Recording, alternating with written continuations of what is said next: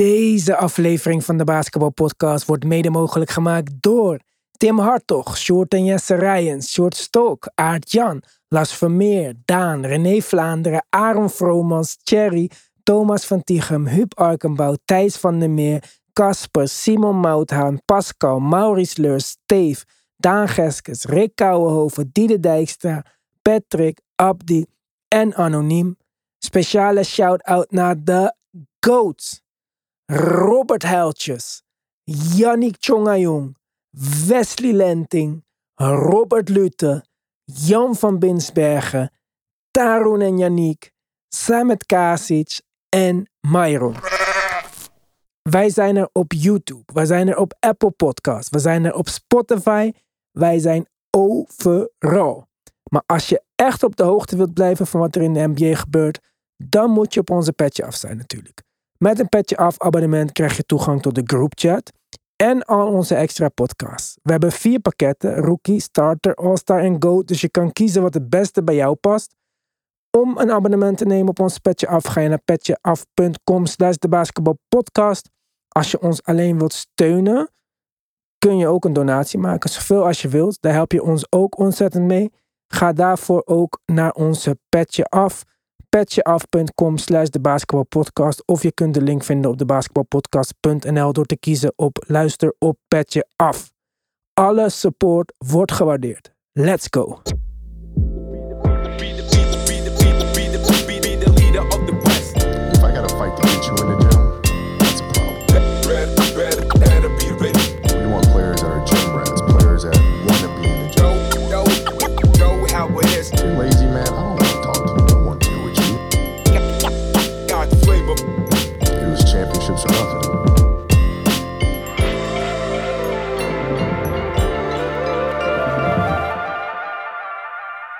Daar zijn we weer. Niet op YouTube vandaag. We switchen sneller van strategie dan Tyrone Lou.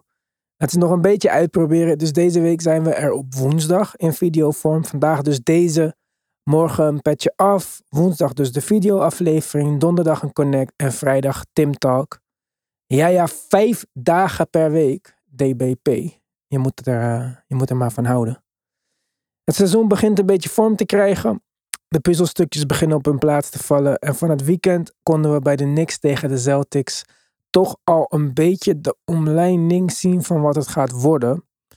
En Tim, dat ziet er voor de ene ploeg niet zo goed uit. En voor de andere ploeg eigenlijk wel. Ehm, ja, wil je beginnen positief of negatief? Laten we positief beginnen. Nou, dan ja, zit er maar één ding op. Dan gaan we het over de Celtics hebben. Ja. Even los van deze wedstrijd. De grote vraag aan het begin van het seizoen was natuurlijk van... Hè, kunnen we dit succes evenaren? Toch in de finals gekomen? Lag het aan blessures bij de andere teams? Lag het aan deze geweldige coach? Het leek er toch op dat ze het op zijn minst niet zo goed zouden doen als vorig jaar.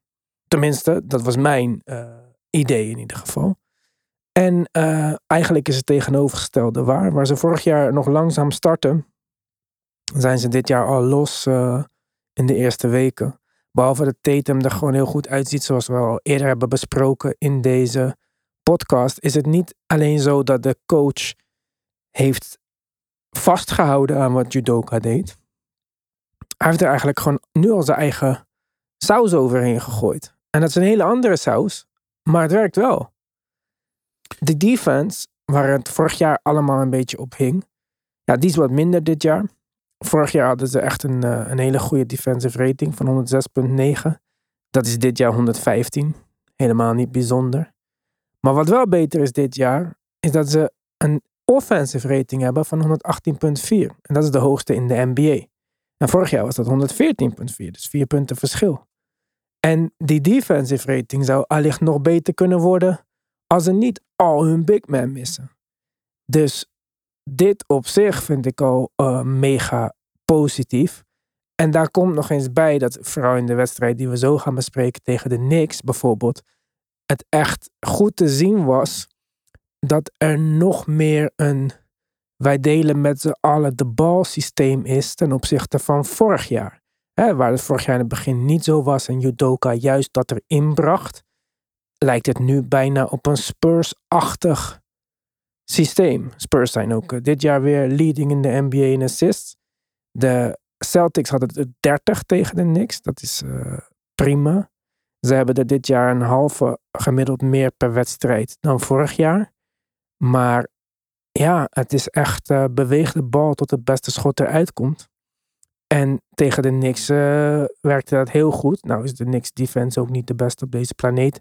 Ik denk dat als jij of ik hadden gespeeld in plaats van Noah Wonley, dat we ook zes punten hadden gescoord gisteravond. maar uh, ja, je kan toch. Uh, ik, ik kan maar weinig bedenken waarom ik nu negatief zou zijn over de Celtics. En ja, ik zei het al in de groupchat. Of het nou gaat om de Celtics, of om de Jazz, of misschien zelfs om Memphis, of eh, OKC heeft volgens mij ook een jonge coach. Ik word gewoon bijna gewoon een beetje jaloers, want of je nou wint of niet, zo'n frisse wind, dat frisse basketbal, dat ik ben, ja, ik als uh, Nick-sympathisant uh, ben daar toch wel een tikkeltje jaloers op zo. Dat kan ik, daar kan ik me alles bij voorstellen, ja. Als we nu ook weer naar de Knicks uh, keken. Maar voor de Celtics vind ik het des te knapper. Gezien de zomer die zij achter de rug hebben. Ik denk dat Phoenix en Celtics beide voorbeelden zijn van teams die het ondanks een wat rumoerige zomer met een schandaal toch gewoon alweer gauw op de rit hebben. En ja, een groot deel daarvan is natuurlijk ook gewoon continuïteit. En als die enigszins bewaakt kan worden door, nou ja, in dit geval waarschijnlijk uh, uh, de GM, dan, uh, ja, dan heeft dat in het begin van het seizoen vaak wel al een grote voorsprong ten opzichte van teams die zich nog een beetje aan het heruitvinden zijn. En de Celtics zijn er wat mij betreft per saldo gewoon sterker op geworden. Met name door Malcolm Brogdon die van de bank komt, waarbij die second unit van de Celtics nu echt een, een gevaar is aan zich. Mm. En dat waren ze nou, niet per se. Zeker tegen het einde van het seizoen werd daar nog wel eens over gesproken. Dus dat is denk ik wel al een verschil ten opzichte van vorig jaar. Zeker op aanvallend vlak zie je dat, uh, zie je dat terug. En verdedigend is wat mij betreft ja, inderdaad al redelijk duidelijk zichtbaar dat ze gewoon die big man in het midden, met name Rob Williams, missen. Uh, en dat, ja, dan hebben ze wat moeite om daar een nieuwe vorm in te vinden. Ze, ze leunden daar natuurlijk redelijk op, op zijn skillset en op wat hij bracht. En als hij er dan niet is, en zeker als helemaal uh, alle twee hun big men missen, zoals uh, tegen, tegen de Knicks, ja, dan, dan krijgt dat een dreun. En dat zie je terug in de manier waarop zij normaliter verdedigden. Zoals we bijvoorbeeld vorig jaar van ze gewend waren. Maar goed, ik zou daar niet heel erg negatief om zijn. Omdat je weet dat op het moment dat Williams terugkomt, dat waarschijnlijk gewoon weer, uh, weer een beetje terug naar het niveau gaat wat we van ze gewend zijn. En aanvallend, zoals je al zei, ja, vind ik ze er wel echt sterker uitzien dan, dan vorig jaar. Ja, en ook uh, verdedigend, ook al spelen we nu zonder die Bakeman dus. Jason Tatum average dit jaar 1,4 bloks per wedstrijd. Kijk, ik zeg niet dat dit super sustainable is voor de rest van het seizoen. Maar al eindigt hij op 1. En ja, dan, dan heb je echt wel één zieke rim protection gewoon. Want ja, Rob Williams is daar heel erg goed in. Al Horford is al jaren super solid als het om defense gaat. En als je dit nog van je small forward dan kan krijgen. Ja, sky is the limit voor dit Boston team. En echt uh, petje af naar Joe Mazzulla. Die toch uh, dat uh, op een jongere leeftijd dan ons. Ja, ogenschijnlijk zonder heel veel stress of moeite neerzet hier zo. Ja, dit is, dit is het voorbeeld van een team dat kan bouwen op, op vorig jaar. En dat is knap, want een van de redenen voor vorig jaar werd altijd, laten we zeggen, gecredit aan, aan de coach. En ja, als die dan wegvalt, dan, dan waren er natuurlijk de nodige twijfels. Nou, dat hebben ze wat mij betreft op, een, op een fenomenale manier weten, weten door te zetten eigenlijk vooral. Um, ja, en dat, wat je zegt, dat is knap hoor. Dat moeten we niet als vanzelfsprekendheid zien. Ja, en kijk, je zegt al de coach. En wij doen dat heel vaak. Dat wij zeggen, ja, die coach moet weg of dit of dat. Maar de coach doet natuurlijk niet alles. Dat heeft Hakim ook wel eens gezegd in onze podcast. Ik ga zo hebben over een coach die weg moet. Maar um, ja, het, het, zijn ook gewoon die spelers op het veld die het moeten doen. En die het ook nu ja, meer bereid lijken te doen. Lijken samen te willen doen of zo. En kijk, Jason Tatum ja, monster stats dit jaar. 30 punten, 8 rebounds, 4 assists, een steal, anderhalf blok. Ja, kan het echt veel beter. Effective field goal percentage van bijna 60%. Hij laat zien dat hij het wil en kan en doet. Brogdon, ja, niet dat hij zich ooit anders heeft voorgedaan, maar hij is echt een, een super solid guy van de bank. Hij, is- hij gedraagt zich echt zo, ehm, hoe moet je dat zeggen?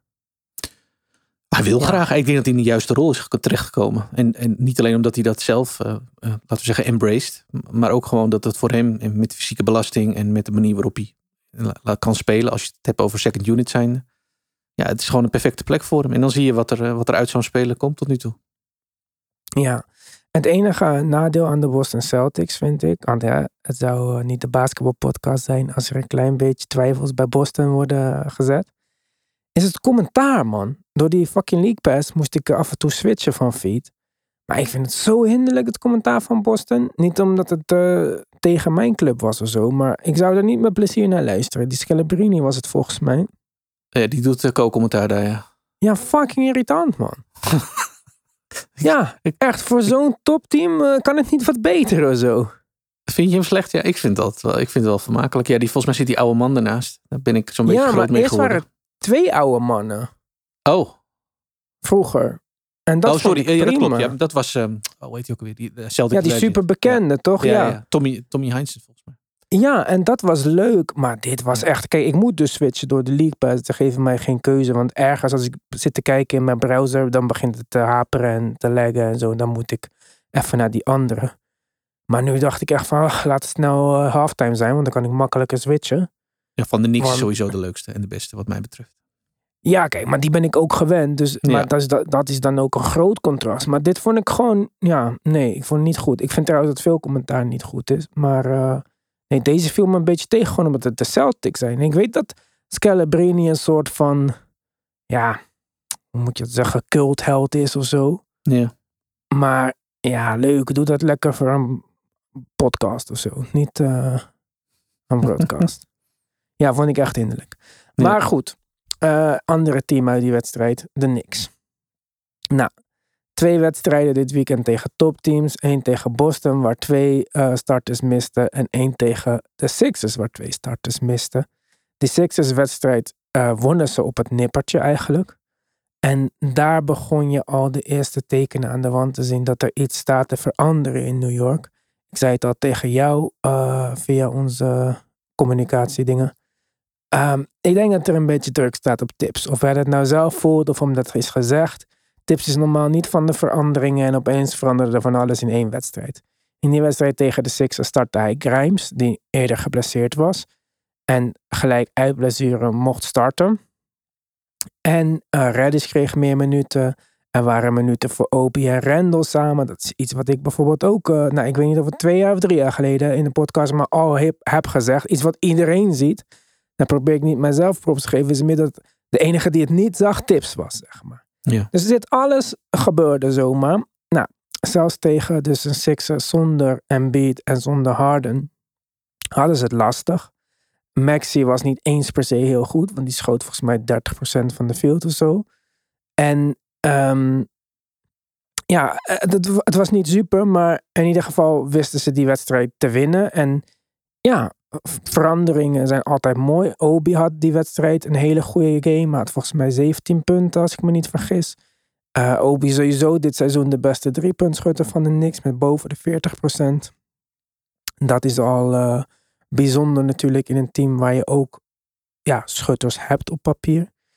Maar ook met hem is het gewoon allemaal wat sneller en bewegelijker. De Knicks hebben heel veel moeite om te scoren in de halfcourt.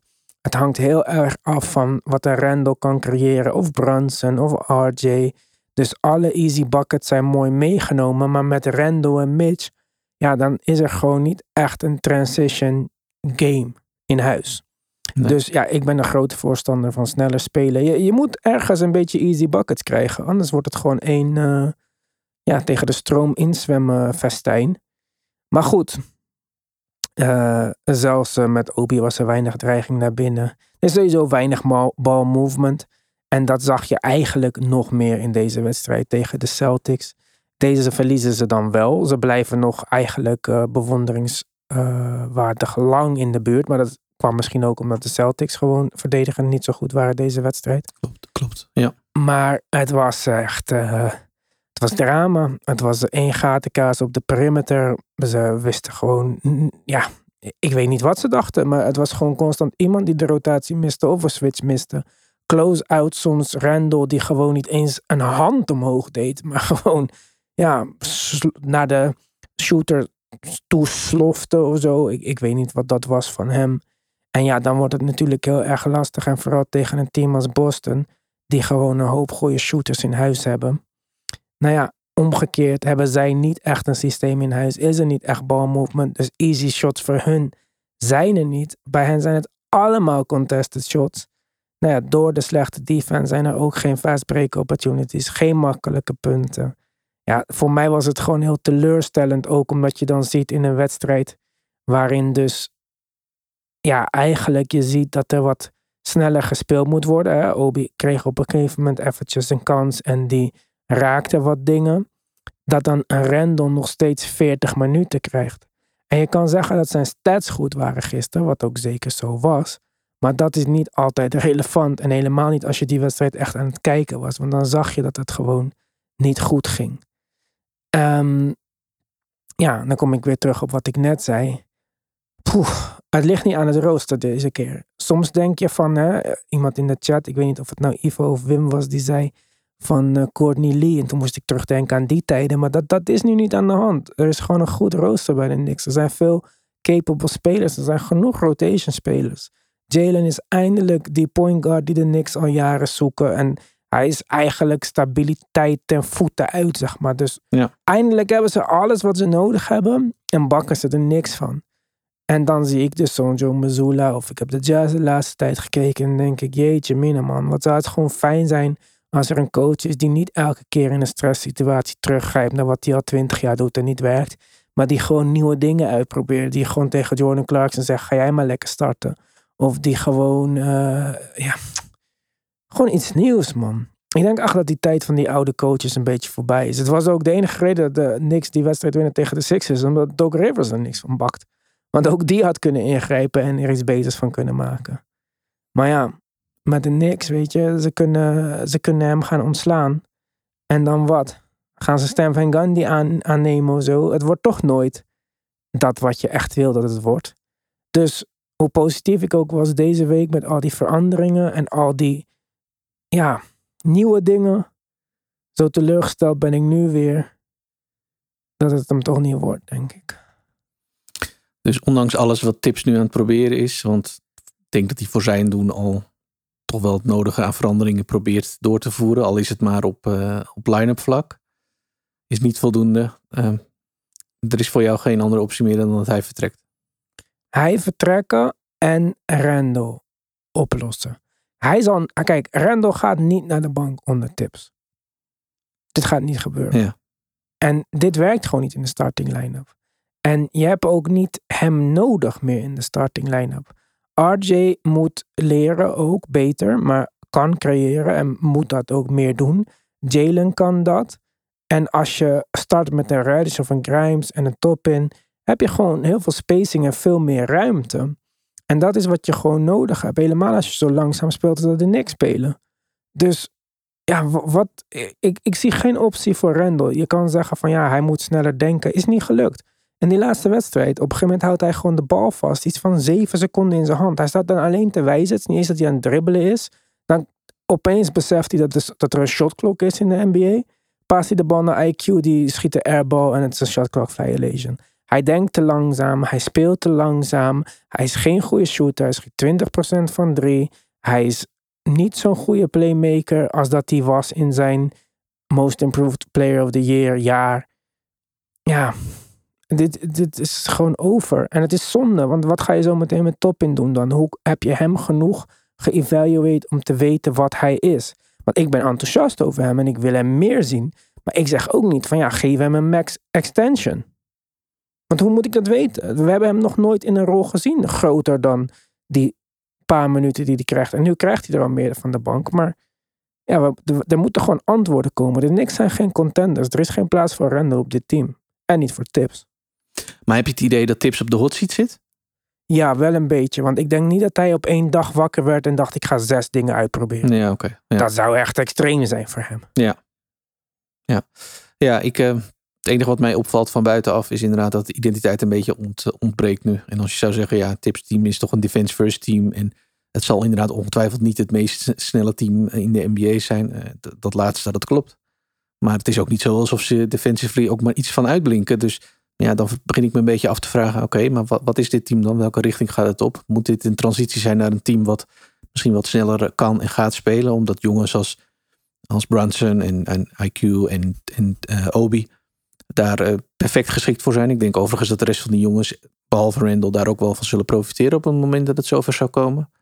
Maar ja, het is ook niet alsof daar signalen van zijn. Dus ja, dan snap ik misschien wel dat je zegt, ja, uh, wat ga je doen, coach? Het is leuk dat er nu een paar dingen uh, gewijzigd zijn in de line-ups. Maar uh, het heeft er op geen enkele manier een schijn van dat dit team nu een bepaalde kant op aan het gaan is met succes. Ja, en kijk, ik zit ook de hele tijd te denken van is Tips nou een defensive genius? Of is hij gewoon een motivator die zijn team hard laat werken? Want in een van die laatste wedstrijden had ook uh, Rick Branson ruzie met uh, Obi Toppin. Of tenminste, hij was aan het schreeuwen tegen Obi Toppin. En Rick Branson is ook een tough guy natuurlijk. En ja. Tips is een tough guy of een harde werker. En dan denk ik van ja, dat is allemaal wel leuk en aardig. Maar het is fucking 2022.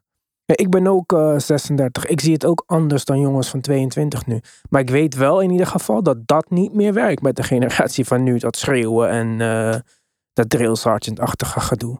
Dus ja, ik, het is hem gewoon niet zo. Nee, ik heb Tips ook altijd wel gezien als een, als een voor een heel groot deel een coach die, laten we zeggen, in bepaalde rosters, in bepaalde omgevingen goed werkt en goed heeft gewerkt. En zeker niet iemand die heel erg veel gevoel heeft voor een omgeving waar die is, als dat misschien niet één op één aansluit. Dus nee, het is denk ik niet een van de meest uh, ja, hoe moet je dat zeggen? Flexibele coaches. Alles behalve. Nee, denk dat ik is sowieso niet de laatste, nee. denk ik. Nee, dus, um, dus dat houdt dan in dat hij in, waarschijnlijk in bepaalde omgevingen of met bepaalde rosters heel goed zijn werk kan doen. En ook echt wel een, een, een heel echt defensief uh, team zou kunnen neerzetten. Echt met succes, zeg maar.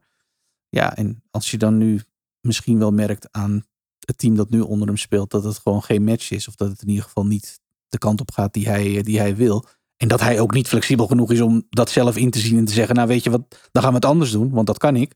Ja, dan, dan is er maar één, uh, één uitgang. Of tenminste, dat is één, één weg is er dan en dat is de uitgang. Ja, en ik, denk dat het echt tijd is. Kijk, het is vroeg in het seizoen, maar het is uh, uh, al een paar jaar hetzelfde. En wat ik zei, los zelfs van deze specifieke situatie, ik denk dat het klimaat in de NBA nu gewoon anders is. Dat er een ander soort coach nodig is.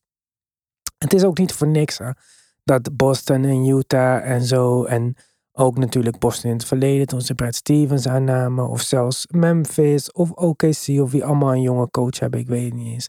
Maar dat dat, dat dat een trend is in de NBA. Je hebt gewoon, het is een ander spel. Zoals de spelers anders zijn. Je kan ook niet een speler van deze, deze tijd met een speler van 40 jaar geleden verwachten. Zo is het basketbal ook gewoon anders geworden. En je hebt gewoon jonge, frisse mensen nodig om daarin mee te gaan, denk ik. En er zijn een paar mensen die kunnen innoveren en die zichzelf altijd blijven veranderen en aanpassen. Maar je hebt ook mensen die gewoon vastgeroest zijn in wat ze doen. Zo is het met muziek ook. Je hebt ook producers die uh, vijf jaar hot zijn en daarna nooit meer iets van terug horen. Of mensen als Timbaland die zich in het verleden tien keer opnieuw hebben uitgevonden. En dat is met coaches ook zo. En Tips is een van die mensen die gewoon één bepaalde manier van spelen heeft. En dat werkt niet meer. Ja, het, het werkt als je een Jimmy Butler kan empoweren om uh, de speler van het team te worden. En als je Derrick Rose 40 minuten kan spelen en zo. Het is gewoon een hele andere NBA nu. Ja, klopt. En je zegt net 40 jaar terug. Eh, ik denk 10 jaar terug al. Eh, als je ziet wat de NBA 10 jaar terug was, was dat al 10, 15 jaar terug, was dat al een enorm verschil met nu. Dus ja, daar, daar moet je als coach wel een beetje kunnen evalueren en ontwikkelen om ook nu nog een team het beste uit zichzelf te laten halen. En ja, je hebt denk ik wel een punt hoor. Als je kijkt naar de oudere generatie coaches nu dan zijn dat zeker niet meer allemaal coaches waarvan je zegt: Oh, kijk eens aan, die doen het nog steeds fantastisch, want die hebben nu een jong team onder zich en kijk eens hoe goed dat gaat, want die coach die kan aanpassingen maken. Nee, die oudere coaches laten zich toch vaker wat typeren als ja, wat meer standvastig en wat minder flexibel. En um, ja, dat kan misschien op, in sommige omgevingen en situaties goed gewerkt hebben, maar met de ontwikkeling die de NBA in het spel uh, doorgemaakt hebben, is dat zeker geen uh, garantie op succes uh, voor nu, zeg maar. Ja, en als je kijkt ook naar, kijk, we, we hadden het net over, van hij maakt die aanpassingen. Maar ja, als, nogmaals, kijk, dat wij hier elke week in de basketbalpodcast praten. Wij zijn niet de sharpste basketbalminds op de hele planeet. Die zijn in de NBA aan het werk. Dat zijn GM's, dat zijn coaches. En als ik al drie jaar geleden kon zeggen wat hij allemaal dit weekend pas heeft veranderd, ja, dan is er gewoon iets goed mis. En als die veranderingen nog verkeerd hadden uitgepakt, dan zou je nog zeggen van ja, had hij toch gelijk. Maar letterlijk alles wat hij heeft veranderd, van het starten van, um, hoe heet guy, en in de tweede wedstrijd Reddish, tot aan het samenspelen van Obi en Randall. Alles bracht een interessant nieuw perspectief op wat je met de Knicks kan doen. En dat jij daar twee, drie jaar over moet doen om erover na te denken, dat is al kwalijk genoeg. Dus, uh, en dat trouwens even over Reddish. Want zijn statistieken waren niet zo afgelopen wedstrijd. Maar het was dan echt ook de statistieken die niet zo waren. Als je kijkt, hè, als ik scout was hè, en ik zou Reddish twee, drie games hebben gezien op een goede dag, dan zou ik ervan overtuigd zijn dat ik de next Grant Hill heb gevonden of zo.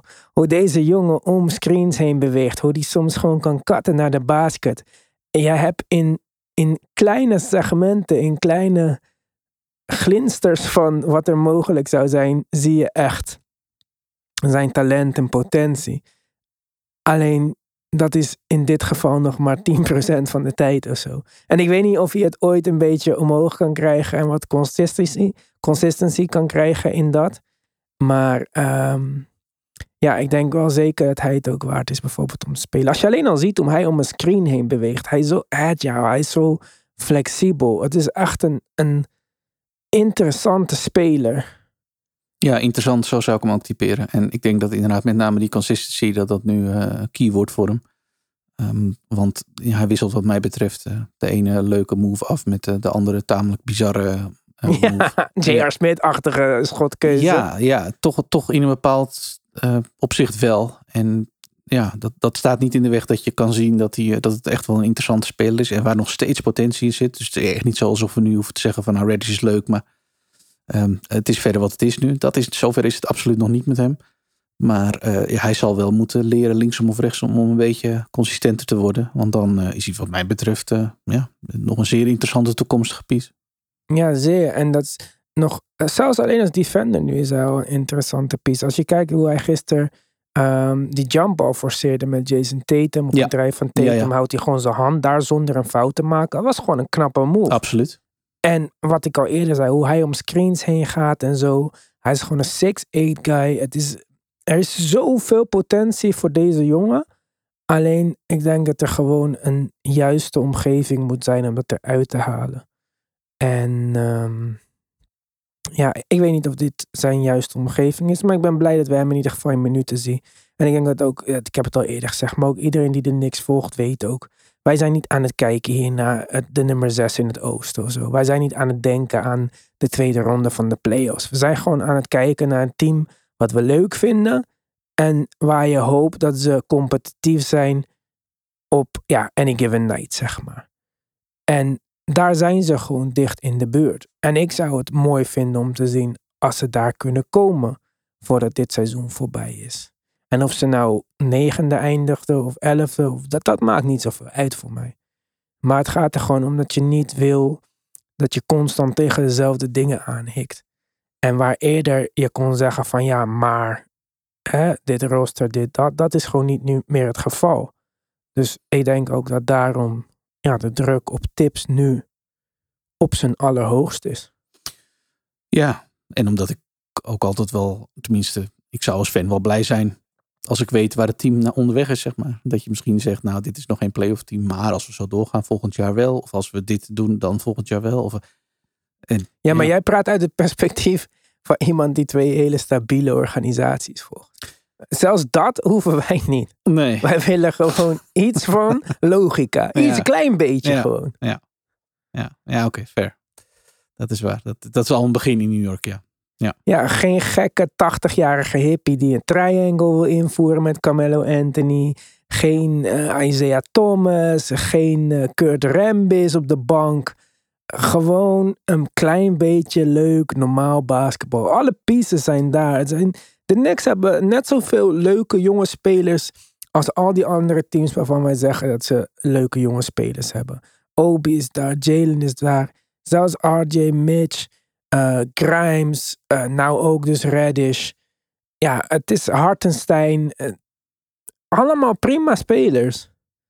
Alleen ik wil ze gewoon in de goede vorm met elkaar aan het werk zien.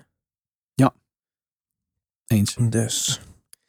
Ehm, we hebben nog wat even kort injury nieuws. Want Harden is natuurlijk oud voor een maand. Ja. Pittig. Nou, Mitch is uit voor een week. Duarte is uit vier tot zes weken. Ja. Maar wat hebben we nog meer? Eh, nou, toch wel twee grote eh, missing pieces voor de komende tijd. En dat is allereerst eh, Siakam. Die Ja. gleed, ik zat die wedstrijd te kijken, heel lelijk onderuit. Waarschijnlijk door vocht op de grond. Tenminste, daar leek het op tegen de Mavericks. En die is nu, ehm, eh, die, die is uiteindelijk, wat heeft het, is vastgesteld, een groin injury. Maar die is de komende weken oud. Ja. Eh, dus dat gaat voor de, de Raptors wel eh, een, klap zijn. Want hij was veruit de beste speler in, in, eh, in, nou ja, niet alleen voor de Raptors. Ik denk zelfs in de NBA als je zag wat hij, wat hij deed. En Van Vliet is daar natuurlijk nu ook al drie games oud. Ja. Ehm, hij staat op dit moment questionable voor, voor zondag. Ehm, dat is één. En de andere is Cam Johnson bij Phoenix. Tor meniscus. ja. Dus dat zou nog wel eens wat langer kunnen gaan duren. Is hij al aan geopereerd? Of wordt hij aan geopereerd, moet ik zeggen, is de laatste ehm, update daaromtrent. En dat is natuurlijk wel ehm, pittig, want ja, zij hebben natuurlijk eh, het hele verhaal met Jay Crowder is al gaande. En dat was eigenlijk zijn vervanger, of de reden van dat wordt aangenomen. Maar in ieder geval eh, eh, komt Phoenix ja, toch wel een soort van met een gat te zitten nu, nu Cam Johnson eh, daar waarschijnlijk nog wel een, een tijdje afwezig is. ja. Zie jij een kans dat Jay Crowder opeens toch gaat spelen? Nee, dat lijkt me.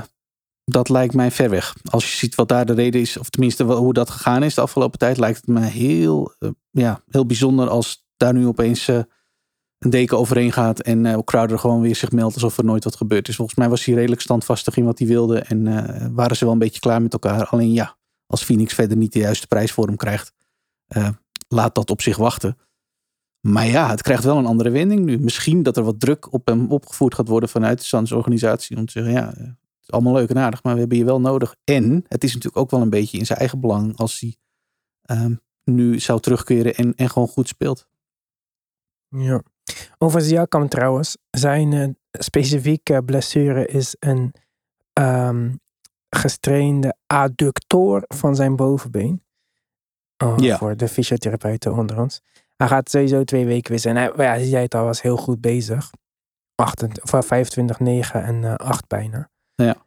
En dus eh, Fred van Vliet ook oud. Wat dan als enige positieve ja, visie die je erop kan hebben, is misschien dat we Scotty Barnes aan crack gaan zien, zeg maar. Ja, lijkt me misschien wel meer dan ooit nodig. Ik denk dat iedereen daar, eh, want dat is ook wel een beetje het concept daar. Iedereen zal nu eh, een stap omhoog moeten doen. Maar ik denk met name Sc- Scotty Barnes zullen we wel meer, meer en aan de bal gaan zien. En wat meer productie van mogen gaan verwachten. Ja, Ja, Toronto tot nu toe best wel solid, vijfde in het oosten. Dus even kijken of ze die positie kunnen vasthouden. En wat er met die centerpositie in ons team van de week gaat gebeuren. Want ja, dit is dan toch wel het moment in twee weken afwezigheid. Dat iemand die zomaar kan overnemen. Denk aan een Jokic bijvoorbeeld. Ja. Dus ehm, ja, dat is interessant. Daar zullen we ook alweer een poll voor doen. Rond eh, dinsdag, woensdag. En eh, ja, wij zijn er, zoals ik al zei, morgen weer op eh Petje Af.